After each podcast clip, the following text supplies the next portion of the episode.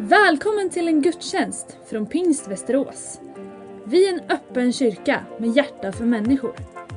Vår bön är att gudstjänsten ska uppmuntra dig och att du får lära känna Gud lite bättre. Varmt välkommen!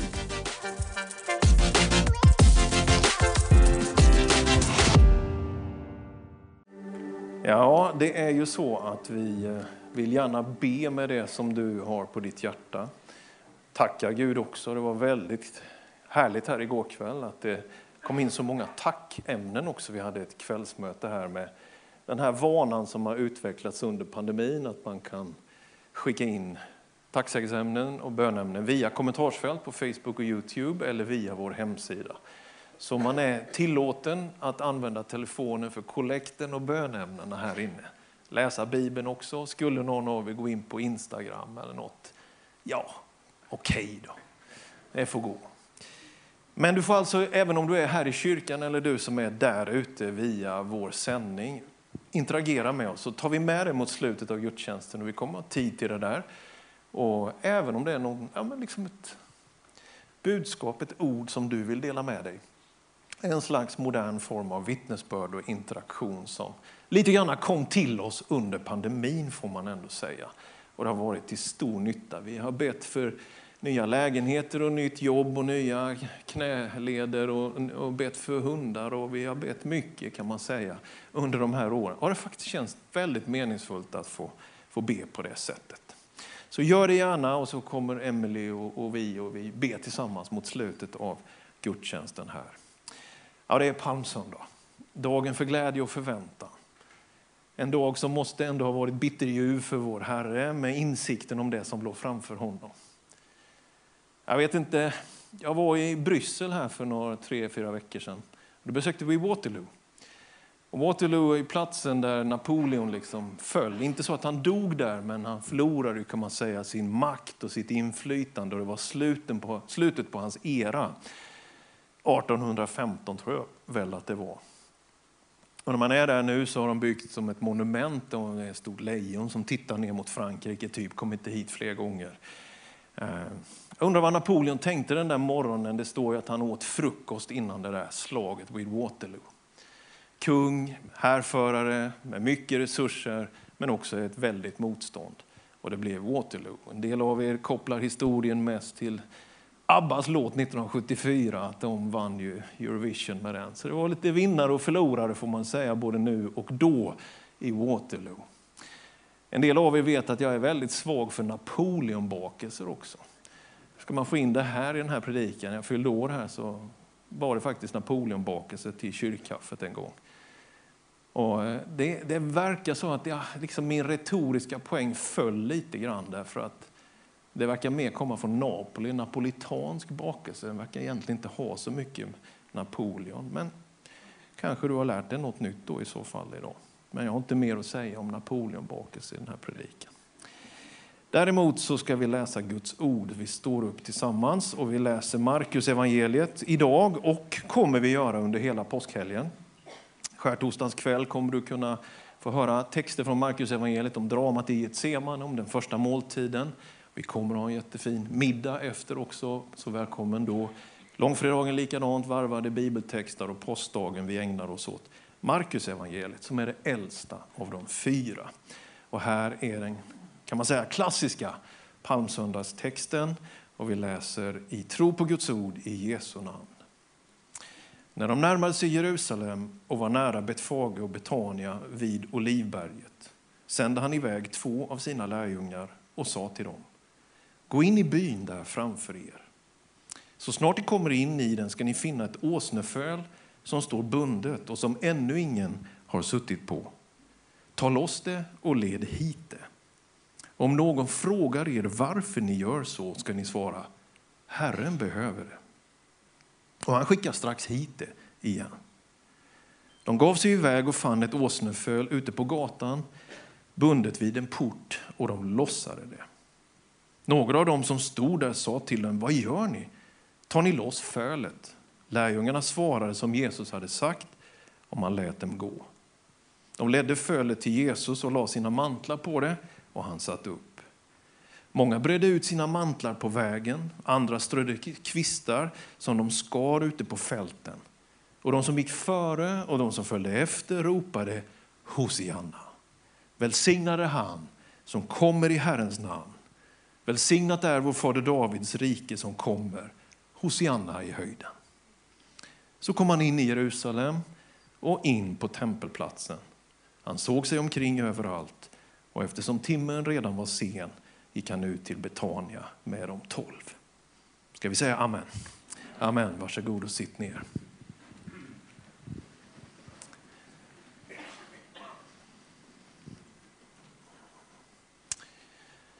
Ja, men det är på väg upp emot påsk och judarna har firat påsk långt före det som vi som kristna benämner som vår påsk.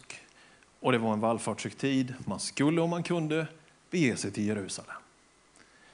Det var mycket folk i rörelse alldeles oavsett den här händelsen så var det det. Jesus tillsammans med sina lärjungar kom den vägen som väldigt många kom om de kom från norra Israel. Om du kan lite grann se framför dig Genesarets sjö, Jordan ner mot Döda havet så gick man i Jordandalen och så vek man av i Jeriko upp emot Jerusalem. Och så fanns de här små förorterna eller byarna som att ta sig från Vallby eller Skälby till Oxbacken, Betania och Betfage. Fikonet och Dalarnas by tror jag de där orden betyder. Jesus är på väg tillsammans med det judiska folket för att fira påsken i Jerusalem. Man kommer ihåg hur Gud räddade sitt folk ut ur Egyptens fångenskap. Ordet Passover eller Pesach då liksom, det, det betyder någon som blir skonad eller som går förbi att, att Israels barn blev skonade och hur Herren med mäktig hand förde dem ut ur Egyptens fångenskap. Det är den påsken, det är den sättningen, det är den årliga vandringen till påskfirandet i Jerusalem. Och så sker ett skifte i det som sker. Det händer saker i det som händer. Det är det som är det spännande med gudstjänster. Det här är en vanlig gudstjänst, men det kan vara en ovanlig gudstjänst. Det här är liksom en klassiker. Vi ber och vi lovsjunger och vi läser Bibeln, men du kan bli frälst idag. Det här är en alldeles vanlig söndag, men det finns inga vanliga söndagar. Det här kanske är din söndag att få ta emot Jesus i ditt liv på ett speciellt sätt, i din kropp, i ditt sinne, att han får fylla dig med helig ande. Jag vet inte, jag styr inte över det, men jag vet att det kan hända. Och det händer något i det som händer i den här vandringen upp emot Jerusalem som ligger högt över havets yta. Och lärjungarna är där. Och så får de den här instruktionen, två av dem, att de ska gå och hämta ett åsneföl, ett, ett, ett, en fåle, ett, ett, barn eller tonåring vad ska jag säga, som åsna då. Inte fullvuxet. Och någon skojar och säger att en, en sån åsna, när man rider på den, det ser ut som en sexfoting. För är man någorlunda fullvuxen själv så släpar ens fötter i backen. Liksom. Så bilden vi har framför oss när Jesus rider in som denna mäktiga kung får nog modifieras med den där, att, att ändå föreställa sig att det här, det här är en annorlunda kung som kommer. Jag vet att judiska kungar ibland red på åsnan, inte minst när man ville komma med ett budskap om fred. Men det här är ju ändå liksom åsnans barn och det här är ett signalvärde och Herren vill ha tag i detta. Han äger inte ens det, det är inte ens en privatleasing, han är inte ens hyr den på Avis eller Budget, utan han ish snor den. Jag vet inte om man kan säga att han snor den, jag vet inte om jag har teknik, men i alla fall så är det ju någon slags, ni ska bara säga ni två, att om någon frågar varför ni tar den, att Herren behöver det. Alltså jag vet inte hur man ska tolka det här, men ibland är det som att vår Herre, han, han älskar att lite grann twista på vår religiösa liksom, sinnelag och tanke. Och det är som att han kan göra det där som är kanske då rätt så oväntat. Man vet inte dialogen mellan de här två, hur de hade det när de gick dit för att hämta den här halvsjäla, det här åsnefölet om det var Petrus och Johannes, om Petrus säger Johannes du får göra det. Nej, varför ska jag göra det? Jag ska alltid göra det. Kan inte du göra det? Varför ska jag? Tänk om någon kommer på oss? Ja, men då säger vi det han sa. Ska vi säga Herren behöver det? Kyrios på grekiska som det står här i den här texten i Markus evangeliet. Ska vi stjäla en åsna och säga att Gud har sagt åt oss att stjäla åsnan? Menar du allvar? Nu tar jag, jag broderar ju lite grann här. Välkommen till Pingstkyrkan. Herren behöver det. Genom historiens gång så vet ju vi att allsmäktig Gud, den gamle av dagare, alltings ursprung och fullkomnare, allting som centreras runt honom. Vad behöver han? Ingenting. För att existera så behöver ju inte han oss. Det är ju inte så att Gud har satt sig i beroende, men ändå har vi en strof här där det står Herren behöver den här åsnan. Återigen så twistar det i den religiösa tanken. Vad är det här som händer? Vad är vi med om? Vad är det som sker på palmsöndagen? Vi vet inte de här tvås inre dialog, eller dialog sinsemellan, men de gör det han har sagt. Det är en bra rekommendation och ett bra föredöme. Om Jesus har sagt det, gör det. Det som står, gör det. Att följa honom, att lyssna på hans ord, att gå på de instruktioner som han ger, det har ändå en välsignelse med sig, även om man ibland till en början inte alls förstår. Så där kan det väl vara med bönen till exempel. Ibland kan man ju drabbas av någon sagt, vad är det för mening med att be? Man framstår, som John Chapman säger, jag har citerat många gånger, som en slags tillfällig idiot när man är bedjande. Men sen rätt vad det är så griper Gud in och någonting händer. Och det är lite det där att lära sig att gå med Jesus, att följa honom. Så de i alla fall gör det här. De hämtar den här flakmoppen, den här Volvo 240, det här enkla, det här liksom på ett sätt inte alls liksom som fångar ögat och som skulle ha någon slags wow-faktor. Men de gör det, för Jesus har sagt det. Herren behöver det. Ibland lockas ju vi att tro att det är det finaste hos oss som Gud använder. När det är riktigt, riktigt andligt, när det är riktigt, riktigt perfekt inom oss, då kanske, möjligen, om vi ännu lite grann sträcker oss, han skulle kunna använda oss. Den bibliska berättelsen är ju den motsatta. De sista ska bli de första. Han låter det visa stå till stilla till sidan för att faktiskt kunna använda det som ingenting var i människors ögon. Det vi skäms för, tänk om det är det Gud skulle kunna använda. Det lilla, inte den stora fullvuxna, utan barnet, tonåringen. Den tanken som inte är färdigtänkt, det där som inte vi riktigt har grepp om och vet om vi klarar. Tänk om det är det Gud ska använda i ditt liv. Tänk om vi har satt så grymt mycket begränsningar på vad Gud kan göra i vår tanke, att det är bara när det är perfekt som han kan använda oss. Vad skulle då hända? Och det här har djävulen använt så mycket för att få mig ner och få dig ner, få oss ner. Eftersom vi ju alltid vet om något som inte är riktigt som det ska i våra egna liv. Handen på hjärtat så blir det en sån begränsning. Men Herren behöver ett åsneföl på palmsöndagen jag tycker det är hoppfullt, älskade vänner. Att Gud själv är i behov av att få låna någonting som han sen skulle lämna tillbaka. Att Herren får gå in till grannen och säga, har du en kopp socker kan jag få låna en paket vetemjöl. Jag vet inte hur vanligt sånt är nu för tiden. Men det är som att Herren själv sätter sig i beroende situation till någonting som kanske inte är sådär wow fantastiskt. Det är inte limousinen direkt som blinkar i alla led som vi pratar om här utan det är en slags havremoped snarare som det är frågan om. Och Herren behöver det. Jag tycker i alla fall att det där är hoppfullt. Det är hoppfullt för vår församling. Det finns fel och brister i kyrkan, absolut att det gör. Men checka inte ut på kyrkan, checka inte ut på din egen tro. Gör inte en exit bara för att det finns fel och brister i dig och mig och i kyrkan. Utan Herren använder det lilla, han använder det svaga och det finns en hoppfullhet i detta. Så många kristna har gett upp sitt engagemang för att det där har gröpt ur en. Och palmsöndagen är ett sånt härligt alternativ. Man kan få känna, va? Om Herren behöver ett åsneföl kan väl till och med jag få vara med där. Sen är ju alltid risken när åsnan får börja bli använd av Gud när den rider in i Jerusalem, att åsnan kanske tror, wow, alla applåderar mig här nu när vi kommer. Kanske inte fattar riktigt att det är Jesus det handlar om, utan tar åt sig äran och tycker det är helt fantastiskt. De viftar till och med så jag får lite svalka här med massa blad och till och med lägger ut mantlar. Vi vet ju inte det heller, men jag säger det igen, välkommen till Pingstkyrkan tanken löper ändå och jag tycker det är så vackert och härligt älskade vänner att det är i svagheten som kraften fullkomnas. Vi läser det som vacker lyrik när aposteln Paulus skriver om det orden, men de är sanna. Så jag vänder mig till dig som känner att du har en svag tro, Gud kan använda dig. Jag vänder mig till dig som känner att jag kan inte knappt formulera en bön, Gud kan använda dig. Jag vänder mig till dig som kämpar och brottas med frestelser och saker och Gud kan använda dig. Det hoppfulla i palmsöndagens berättelse är att det är han som är den initierande parten. Det är han som tar kontakt, det är han som kommer. Och hela händelseförloppet på palmsöndagen är fullfyllandet utav en profetia i Sakarja 9.9. Se din kung kommer till dig.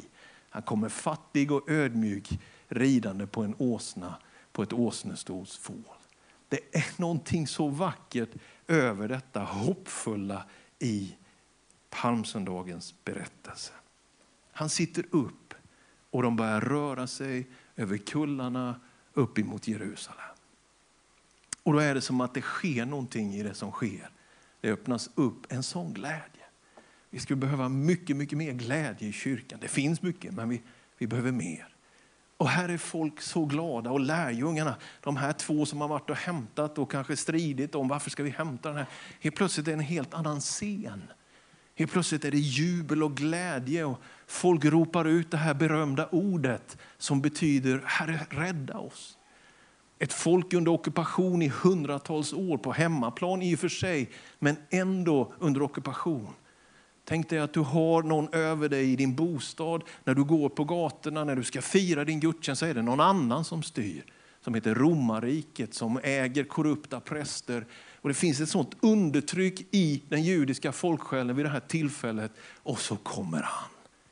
Så kommer något helt annorlunda. Han som har ord som ingen annan. Han som de har hört om som kan bota de sjuka. Han kommer där. Och man bara känner, kan liksom på något sätt leva in i lärjungarna. Jesus, vi har köpt rätt aktier i rätt bolag. Vi har satsat på rätt kille. Det är du. Folket jublar och lärjungarna måste ha känt, vi är i det vinnande laget.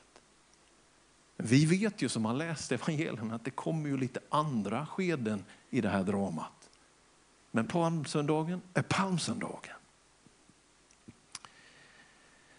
Det var ett sätt att ta emot en kung. Det var ett sätt att ta emot någon som man hoppades kanske skulle kunna komma som Napoleon. Men vår kung är en ödmjukhetens kung. Han segrar genom att förlora kan man säga. Hans makt består i att ge upp. Hans rike byggs genom uppoffring. Och det är ju det här som varken folket eller fullt ut lärjungarna ju kunde ha tagit till sig. Och det är ju inte så lätt att förstå. Napoleon riggade upp sina soldater och de andra herrarna från Tyskland, Preussen och England och så vidare hade sitt motstånd och så fightade man varandra och den starkaste skulle vinna. Och här har du det annorlunda riket etableras. Ja, han är en kung men han agerar som en präst. Han offrar sig för mänsklighetens synder. Han offrar sig för de som ropar både Hosianna och är glada och de som ropar korsfäst och är arga. Han offrar sig för hög och låg. Han offrar sig för romar och han offrar sig för judar. Han ger allt på Golgata kors för att vinna varje människa till frälsning. Jag är så tacksam för Jesus Kristus. Är du tacksam för att tillhöra honom idag?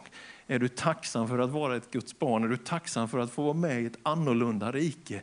Där kungen rider på åsneföl och där det svaga kan användas till det vackraste. Och där Herren behöver det som ingen annan verkar behöva. Är du tacksam för Jesus Kristus idag? Amen. Så det blir ett jubel, det blir en välsignelse. Och folk ropar ut det, välsignad är han och välsignat är det rike som han kommer med, vår fader Davids rike. Välsignad är han som kommer i Herrens namn. Oh, jag önskar att du skulle kunna känna och jag skulle kunna känna och tas med till den här vandringen och få känna av att vi är med i det vinnande laget som ändå segrar genom kärlek, inte genom något man tar utan genom det man ger.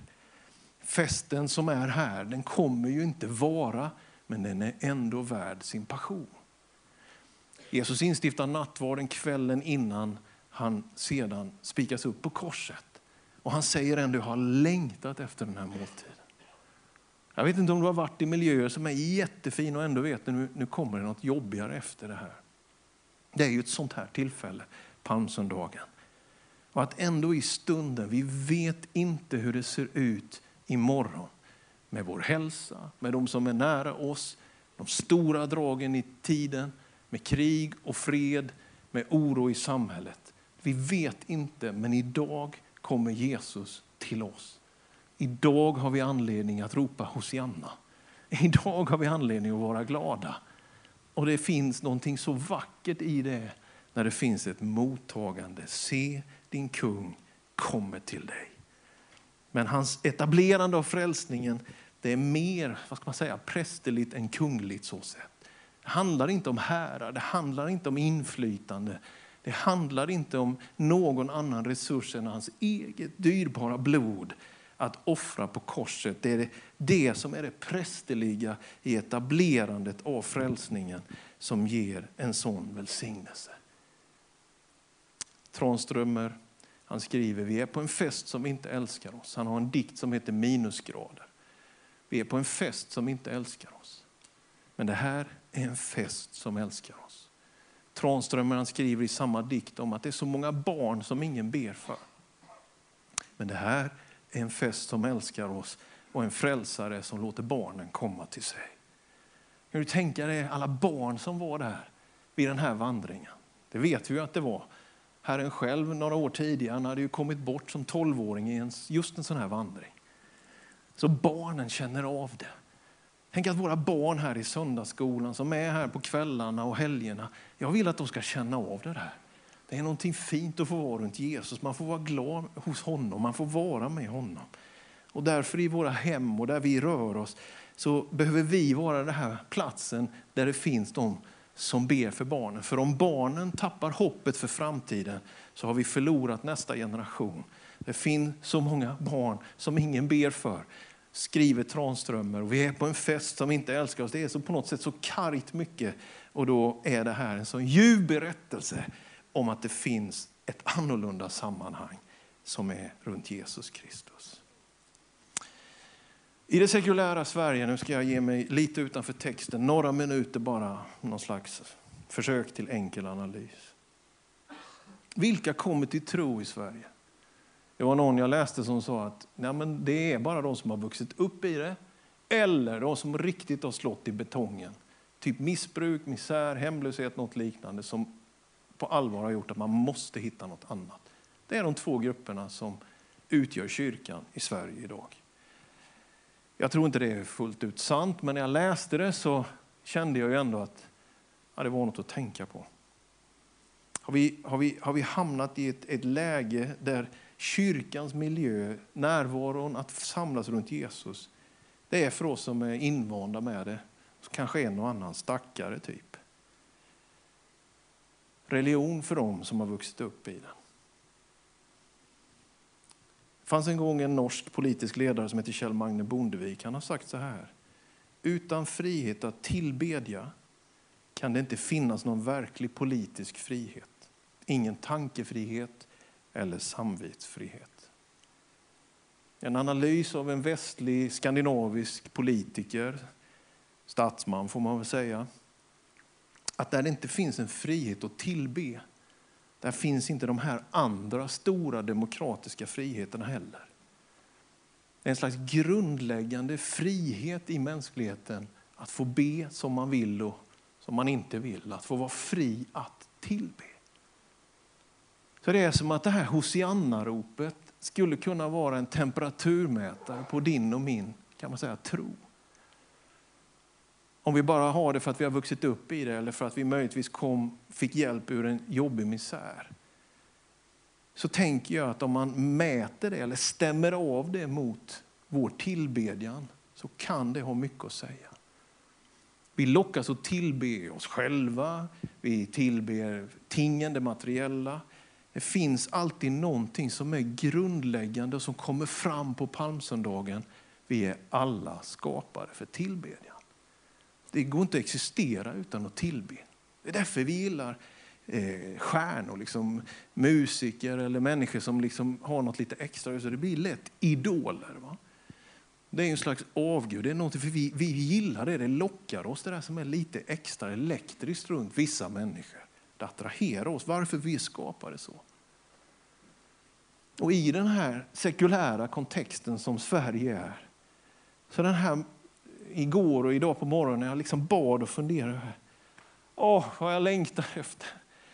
Att vår, varenda medlem i den här församlingen, för det får börja här, i oss, med oss, att vi skulle ha ett fritt Hosianna över våra läppar. Att vi skulle vara ett folk av tillbedjan som man vet att de, de ber till Gud, de tackar Gud, de prisar Gud. Och att få en annorlunda signal ut i samhället som skulle kunna bryta många vallar som håller människor borta ifrån våra gemenskaper. Jag tänker att vi skulle behöva tillbe utanför Pingstkyrkan. Vi skulle behöva vara i miljöer där Hosianna-ropet kan höras långt utanför det som är invant.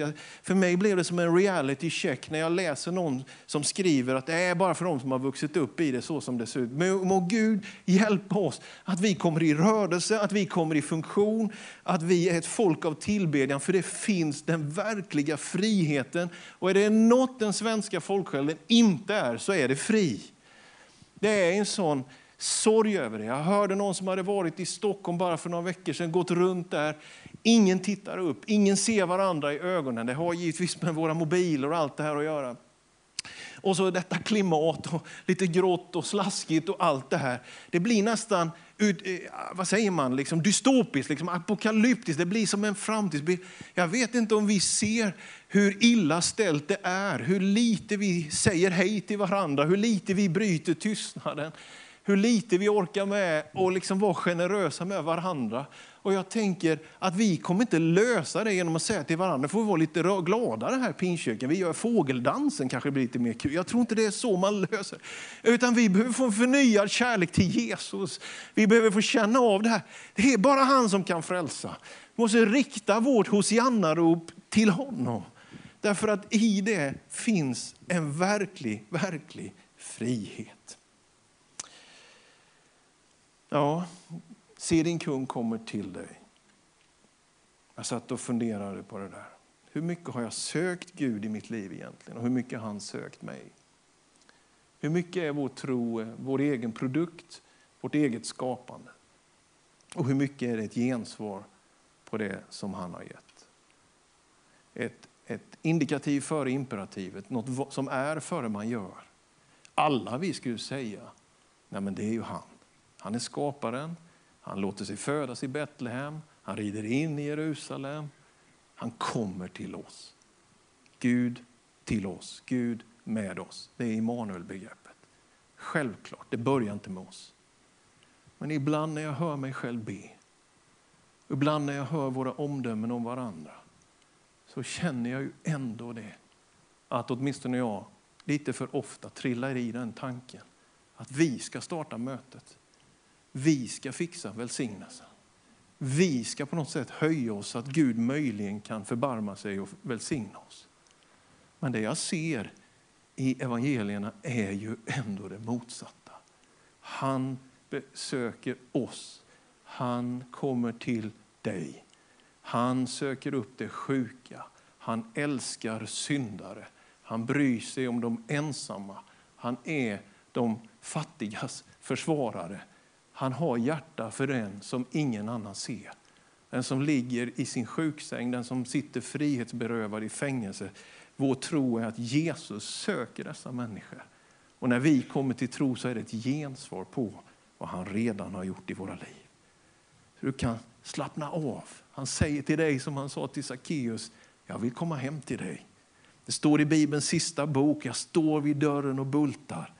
Om någon hör min röst och öppnar dörren ska jag gå in till honom, hålla måltid med honom och han med mig. Och som vi har stavat på här idag, se din kung kommer till dig.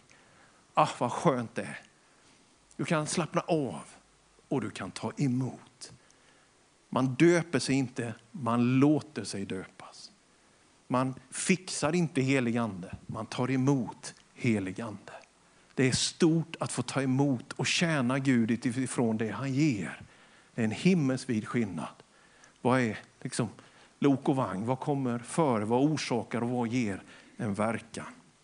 Den religiösa frestelsen leder oss så många gånger till det är vår bön, det är vår moral, det är om vi kan eller inte. Ungefär som att andligheten skulle bero på oss. Nej, sveps med i palmsöndagens vandring mot Jerusalem. Ropa ditt Hosianna och var glad att han kommer till dig. Det kommer tunga dagar framför. Det blev förnekelse för Petrus och tvivel för Thomas och ett slags bankrutt fall för Judas. Allt det här skedde absolut. Men han kommer till dig för att frälsa. Han förgör inte, han fördömer inte, han vill inte att du ska försvinna. Han förvandlar livet, allt blir nytt. Och så står det i avslutningen av vår text att Jesus gick upp på tempelområdet och han såg sig omkring. Och jag kanske broderar ut texten lite grann. Men det nytestamentliga templet är inte byggnaden i Jerusalem, det är du och det är jag, det är hans kyrka. Han kommer till Jerusalem för att etablera ett nytt tempel i oss ett annorlunda tempel i dig. Han kommer till dig. Och det, har, det är inga bekymmer för honom att vi syndar. Att vi har, för han är expert på att förlåta synder. Vi har väl inte glömt bort det i kyrkan, att det är det han, det är det han gör. Det är inget problem för honom att hela, han gör det. Vi är sargade men han helar, han kommer till dig. Välsignad är han som kommer, välsignat är hans rike. Vi behöver inte ha Messias-komplexet, att vi ska. Men vi kan ha Messias förväntan, han kommer. Och när han ser sig omkring och ser dig och mig så gör han det genom sina frälsande ögon. Hosianna, ska vi ropa det, ska vi sjunga det, ska vi vara glada i det. Därför att han bygger ett tempel inom dig, en plats för Gud i ditt liv. Det är stort att få fira och vara med på palmsöndagen vår verkliga frihet. Amen. Tack Jesus att du är här just nu. Tack för din närvaro genom helig ande. Tack för glädjen på palmsöndagen hos lärjungarna, hos barnen och hos Jerusalemsborna. Alla som var på väg till templet. Tack för att den glädjen, Herre, den finns också för oss idag. Även om det ligger mycket framför som kan vara tufft och svårt så finns det ändå en välsignelse i att bara få hänföras, få fyllas av passion och ropa sitt Hosianna. Tack Jesus för att vi ska få fira påsken ännu en gång. Komma ihåg din död på korset, din försoning och att du lever idag. Tack Jesus att du bygger din kyrka genom helig ande. Tack att ditt rike är etablerat och det är starkt. Tack Jesus att du Herre gick hela vägen till korset för vår skull. Tack för att du har etablerat frälsning för syndare och vi får inkluderas i den kategorin. Tack Jesus för att du är en god frälsare som vill det bästa i våra liv. Tack att du är här just nu. Tack för vad du vill göra den här söndagen i Pingstkyrkan i Västerås, utöver våra sändningar, i människors liv som vi kommer i kontakt med. Tack att du verkar den här palmsöndagen, att vi kommer i rörelse. Att vi får ta av oss kanske högmodiga mantlar och lägga dem på vägen få skära av en, en kvist, en gren och vifta och visa vår kärlek till dig, vår kung som kommer, men som kommer som en präst. Tack Jesus för att du lever idag Herre. Tack att du är uppstånden frälsare. Tack att du är med och vill väl Herre. Tack att du kom för att frälsa världen och när du kommer tillbaka Herre så står det om en vit häst och en ryttare och det står om ett liksom annat paradigm en gång i framtiden när du i fullhet ska etablera ditt rike Herre. Tack att vi får leva i den här perioden och bara tro dig om nåd, tro dig om upprättelse och glädje. Tack Herre Jesus för att du ser varje person i byggnaden här. Du ser vad vi bär med oss av glädjeämnen och jag tackar dig för att vi ska få ha en påsktid av mycket glädje. Sol och, och energi på utsidan men också i hjärtat Herre. Att få leva i tron, att få gå med dig och att få fira påsken i den högsta glädje trots dess allvar. Tack Jesus för att du förlåter synder idag Herre. Tack Jesus för att du upprättar det som är sargat idag Herre. Du ser vad jag behöver, vad vi behöver. Tack Jesus för att du kommer till oss där vi är. Jesus jag tackar dig för det. Halleluja, halleluja. Tack Jesus för din nåd, tack för din kärlek Herre. Och jag ber att vi skulle få vara ett annorlunda folk ut i Västerås, ut i Västmanland. Det är så mycket på något sätt sänkta blickar Herre. Så ber jag att vi skulle ändå få vara fyllda av friheten som du ger.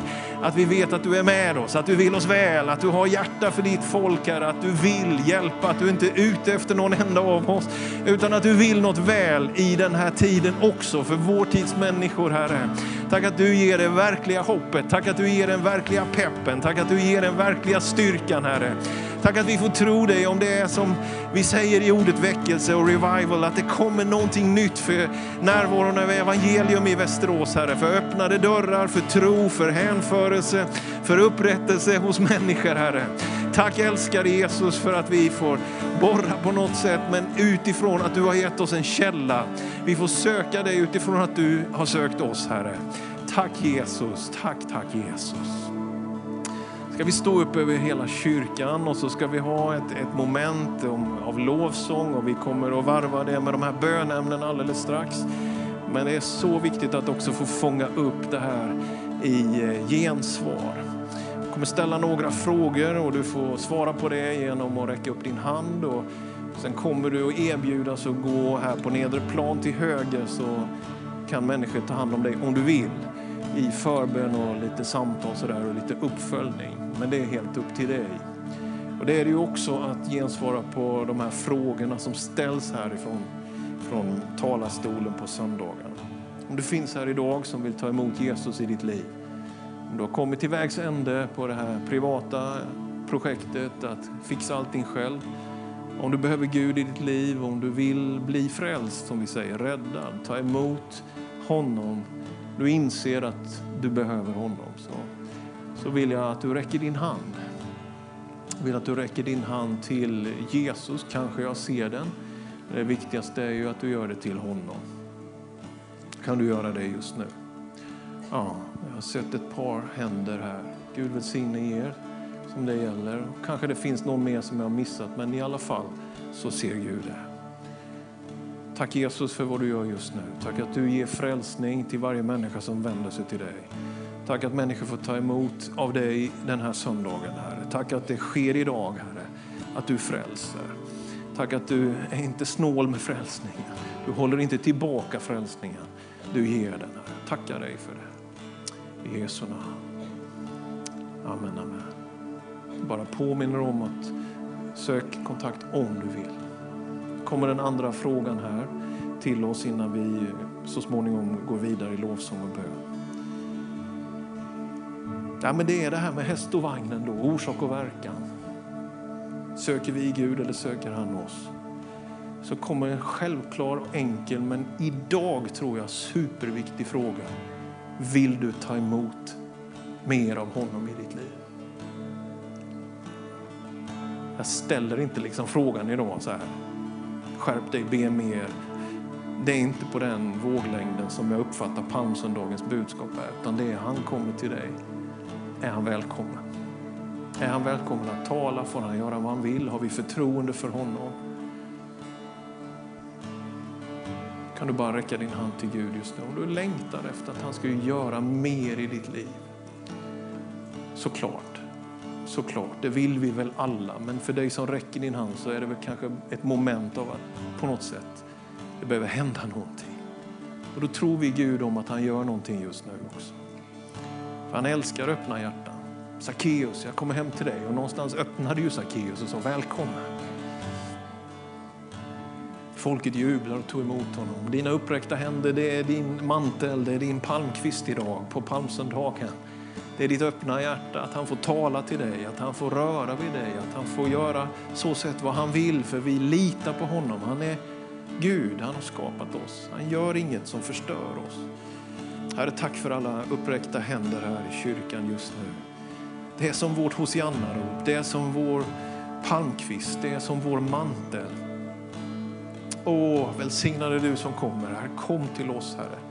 Herre, mina tankar behöver förnyas.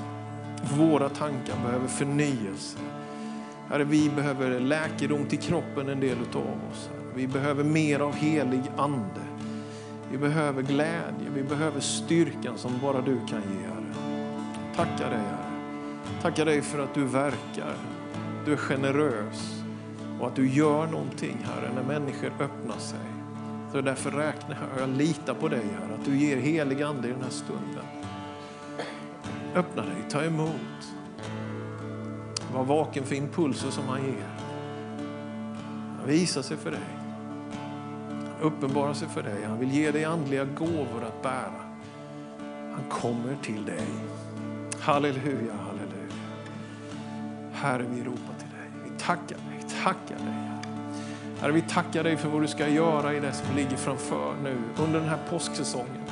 Jag ber om öppna dörrar för evangeliet här i Västerås, i Skultuna, i Norberg och Surahammar, i hela Västmanland, ut över Sveriges land. Att det här tunga som ändå finns över folksjälen, oron kanske för ekonomin, bräckliga relationer, psykiska måendet. Herre, vi ropar till dig om en ny tid över Sverige. Inte för att det ska gå bra för kyrkorna, utan för att människor ska få ta emot dig, Herre. Jag ropar till dig, Herre. Trappuppgångar, hus, digitala forum där vi är, att människor skulle få känna av den frihet som du kommer med. Jag ber att det skulle komma en helt ny fas för våra barn. Jag ber att barnen skulle få känna att det finns faktiskt någon som ber för dem. Det finns ett alternativ till den dystra dikten där en gång. Det finns en kyrka, det finns framförallt en Gud som ser barnen. Jesus, jag tackar dig, jag tackar dig, jag tackar dig för de barn som vi tänker på just nu, som vi ber för just nu, som vi har kanske nära oss eller som vi har känt av på något sätt, Herre. Tackar dig för vad du ska göra i deras liv, Herre. De ska få glädje och hopp i tillvaron och inte behöva se framtiden an utan hopp. Tack för nya drömmar, nya visioner, ny glädje, ny kärlek, ny värme för våra tonåringar, våra barn. Jag ber för vår söndagsskola, ber för vårt ungdomsarbete, ber för det som är vår kontaktyta med en växande, uppväxande generation. Herre. Jag ber att de här i vår gemenskap skulle få höra hur mycket de älskar och känna det i hjärtat. Att de skulle få vägledning i livet och känna att ingen tvingar dem till det, men att de vill gå på din väg, Herre. Jesus, jag tackar dig för en barn och ungdomsväckelse. Jag tackar dig för en blomstring för det som är barnen och ungdomarnas liv. Att de ska få komma och känna av den glädjen. Precis som barfotaväckelsen och roparörelsen en gång förändrade Sverige, Herre, så ber jag idag för barnen och ungdomarna att de ska få känna av palmsöndagen som barnen där i Jerusalem. Få springa och vara glada och ha en blick som är fylld av tillförsikt på grund av det som händer runt dig, Herre. Tack att du, Herre, du är välsignad och du kommer och vi får säga vårt Hosianna i Jesu namn. Låt oss sjunga av hjärtat och be. Och så är du välkommen nu till våra förebedjare om du skulle vilja det. Och så kommer vi be för bönen alldeles strax också. Varsågoda.